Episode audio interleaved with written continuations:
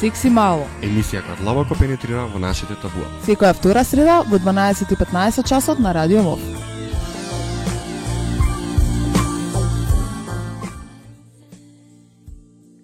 Среда, секси мало во вон стандарден термин. А, денеска зборуваме за една од најубавите теми за сите млади, најверојатно и во, за, не само за младите, генерално. Зборуваме за љубов. Заедно со мене во студио се Стефи и Дефи.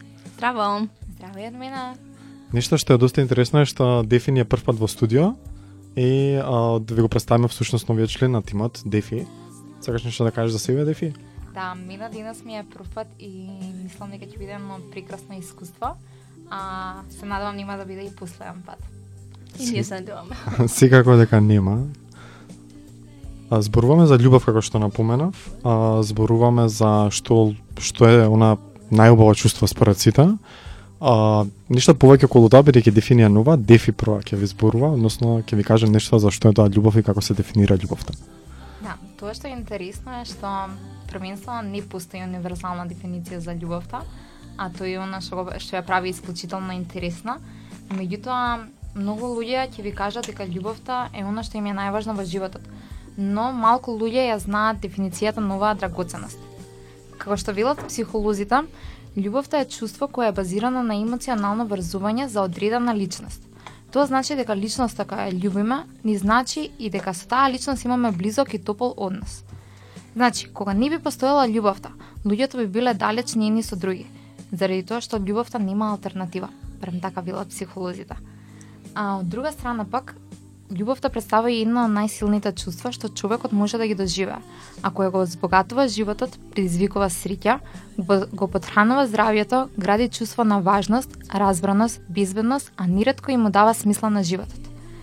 Љубовта може да биде насочена кон различни лица во животот, кон членови на семејството, кон фамилијата, кон пријателите, кон симпатии, кон партнери и кон други со кои ќе се градат различни релации, се споделуваат различни нешта. Така е различен и начинот на кој што се манифестира ова чувство, односно со зборови, со бакнување, со допирање, со грижа, со споделување и така натаму. Лифи ви кажа нешто за едно од најубавите чувства како што сите велат. Најверојатно и тимот од секси мало е заљубен скоро сите. Нема да навлегуваме понатака. А тука никаде ја пуштаме музиката и се враќаме за кратко.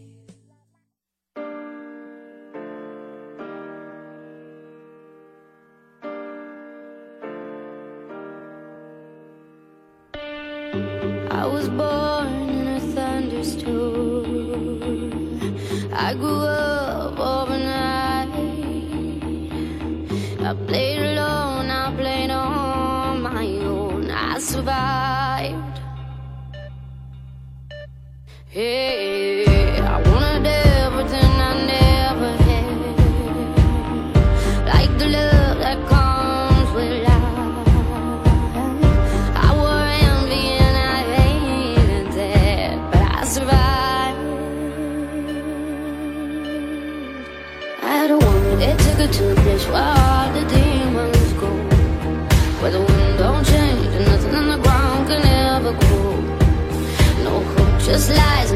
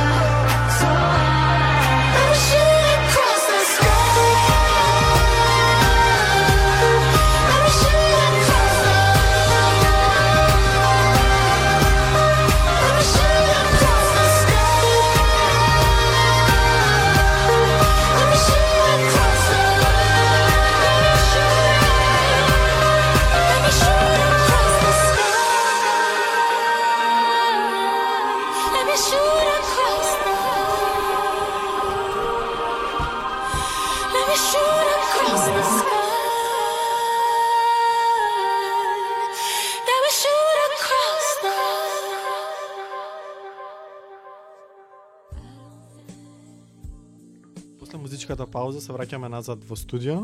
А, Дефи ви опиша што е тоа љубов и како се дефинира и дали воопшто се дефинира. Зборуваме за три квалитети кои се врзуваат со љубовта, односно првично зборуваме за чувството за привлечност, потоа зборуваме за чувството за близина и чувството, односно ло, лојалност, нема чувство на лојалност. Да не кажам нешто кое што кида на крај за нова година во гафови. А, чувството на привлечност генерално се однесува на оној физички дел, а може да го вклучи сексуалниот аспект. Тоа ги прави луѓето да имаат желба да го бакнат лицето што го сакаат или да осетат на не, да го осетат на некаков друг тактилен начин. Љубеноста се базира токму на оваа чувство, односно чувството на страст, на возбуда, на сексуална привлечност.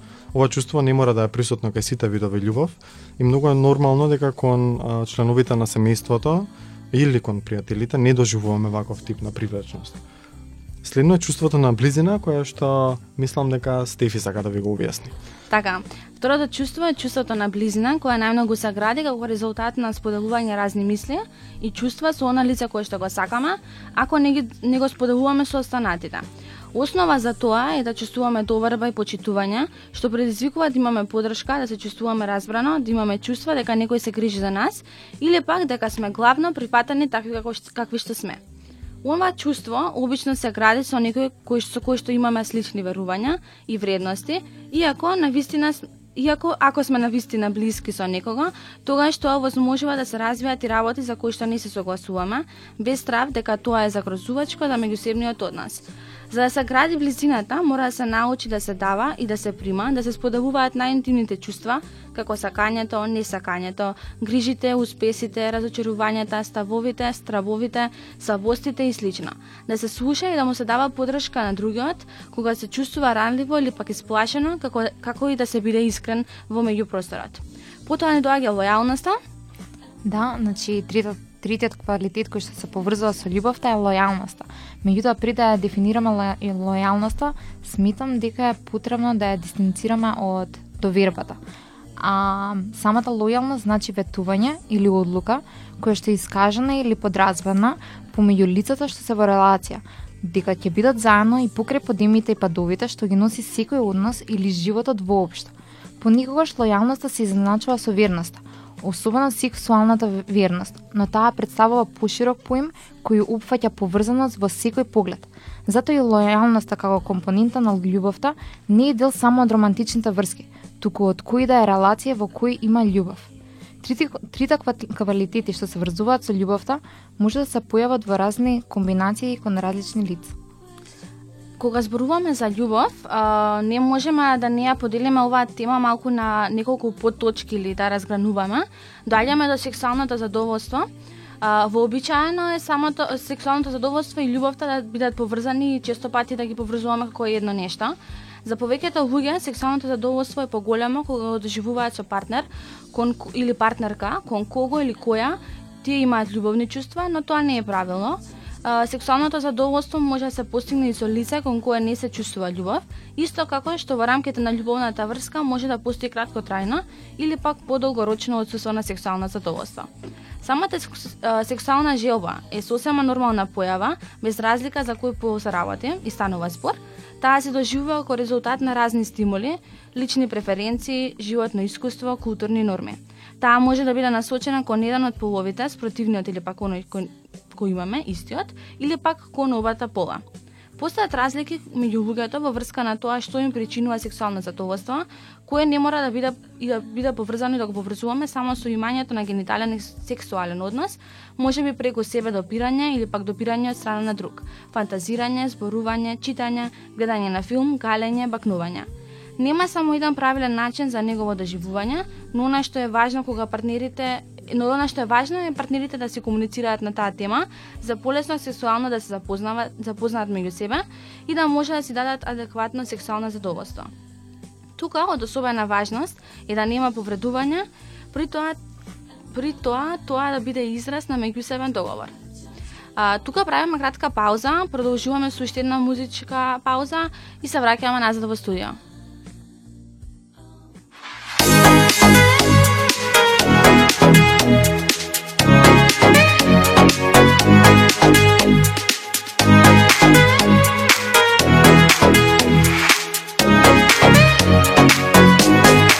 Take a breath, rest your head, close your eyes.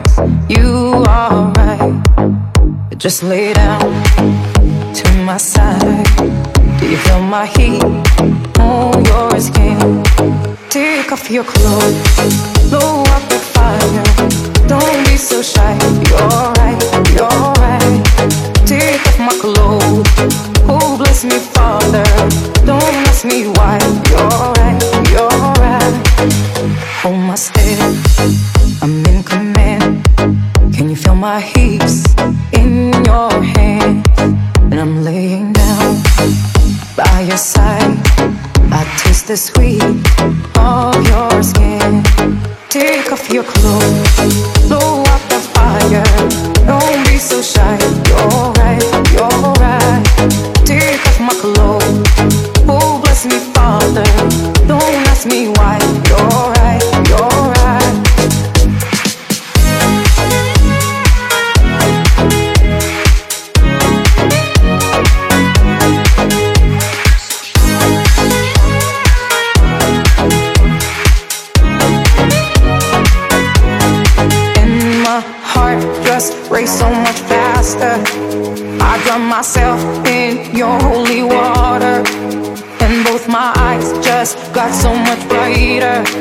And I saw God, oh, He's so much closer.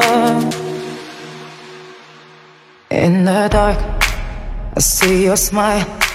Do you feel my heat on my skin? Take off your clothes, blow out the fire. Don't be so shy. You're right, you're right. Take off my clothes. Oh, bless me, Father. Don't ask me why. You're right, you're right.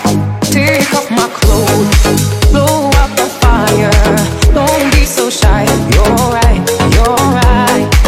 Take off my clothes and bless me further. Don't ask me why, don't ask me why, don't ask me why.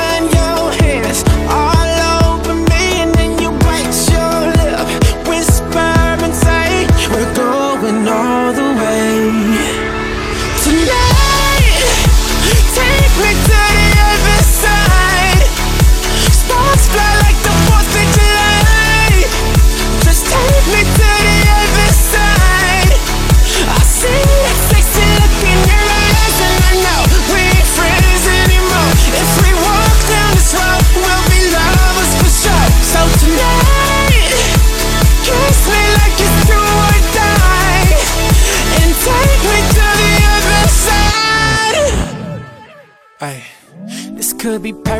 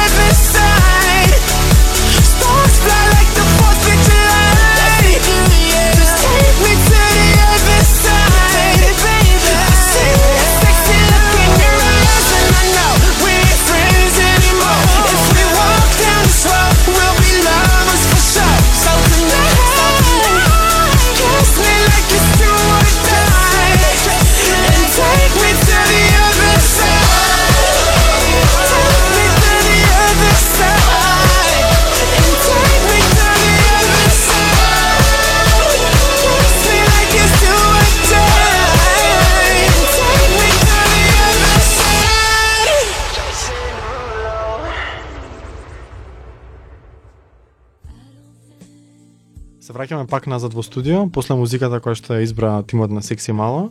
Продолжуваме понатаму со тимата љубов и а, по точката наше сексуално задоволство. Зборуваме за сексуалното задоволство и зборуваме во овој дел за сексуалното задоволство како притисок, односно како чин врз кој што може да се дојде по пат на притисок. Дали е тоа нормално, дали не е нормално, дали е прифатливо или не е прифатливо. Зборуваме со овие две девојки кои што се заедно со мене во студио и а, ве оставам да го кажете своето мислење што мислите за сексуалниот чин како притисок. Токму така, Кико. А, првенствено, постојат различни видови на притисоци со кои може да се изнуди сексуален однос со друго лице. Кој било начин на однесување со кој другото лице се става во ситуација да се чувствува непријатно или притиснато, да прави ништо против своја волја и без избор, се ситуации на создавање притисок и представуваат насилство, без разлика дали се користи физичка или психичка сила. Тоа може да се случи во и надвор од врската, но и во бракот. Важно е да се размисли кога да се започне со сексуална активност и дали да се има сексуален однос воопшто, токму поради чувството на удобност, безбедност, доброволност, задоволство, заштита на своето здравје, а исто така, она што апсолутно секој треба да го знае е дека влегувањето во сексуална активност со друго лице доброволно и слободно, односно со целосна слобода и информирана согласност, е она што е исклучително важно и она што секој треба да го практикува.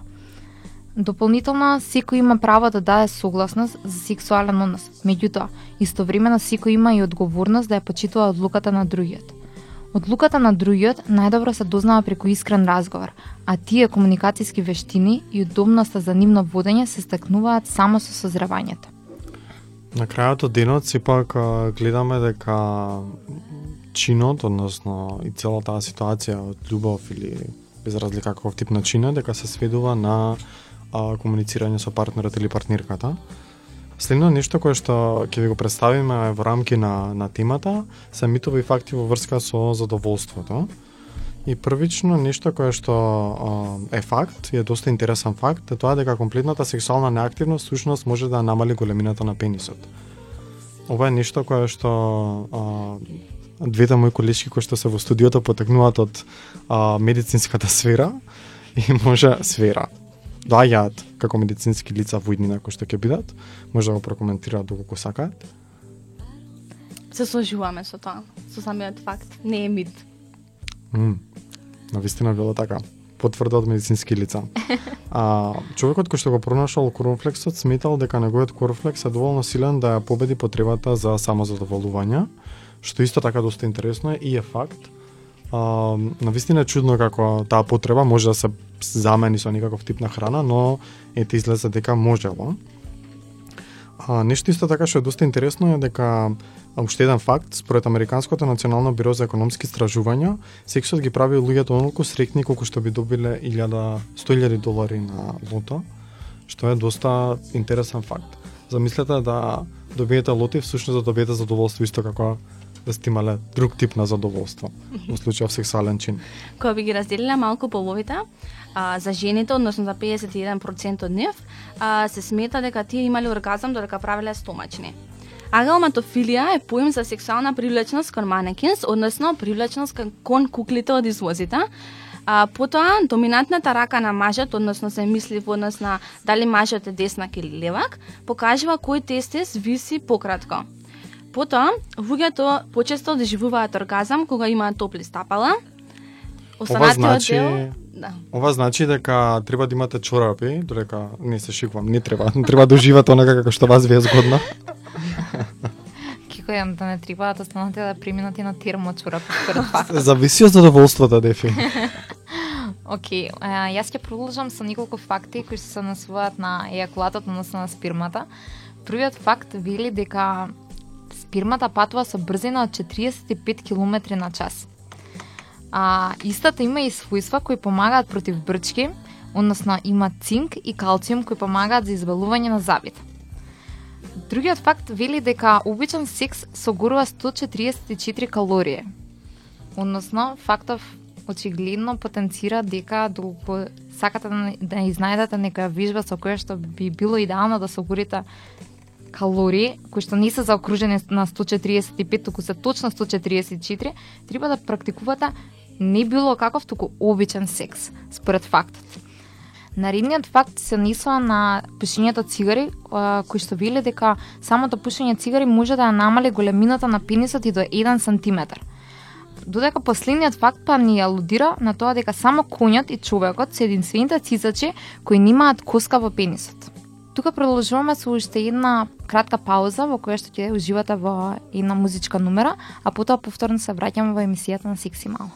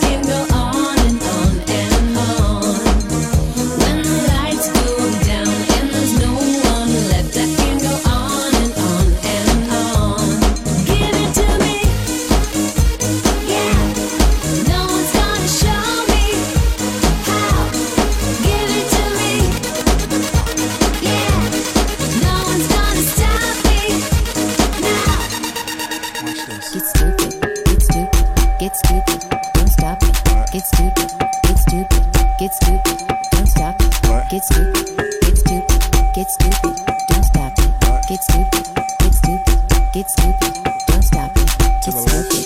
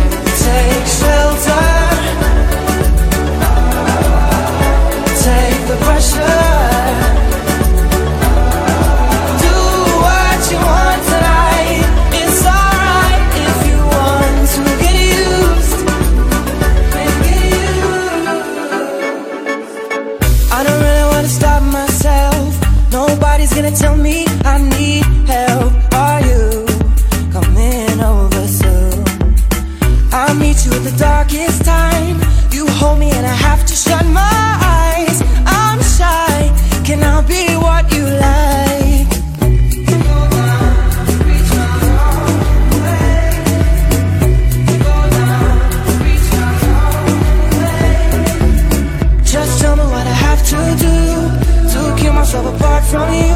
All your colors start to burn and take shelter.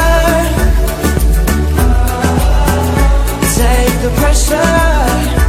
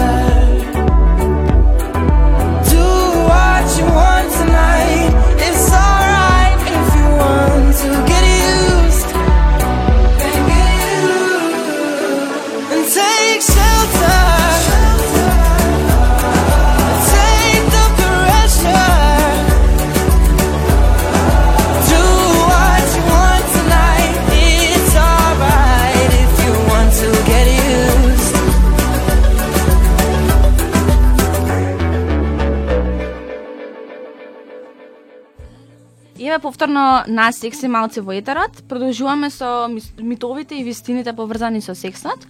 А, митот веле, можете да погодите големината на пенисот според големината на стапалата, додека пак вистината гласи дека една студија која што направена на, на примерок од 104 маже, покажала дека големината на пенисот и стапалата немаат никаква врска.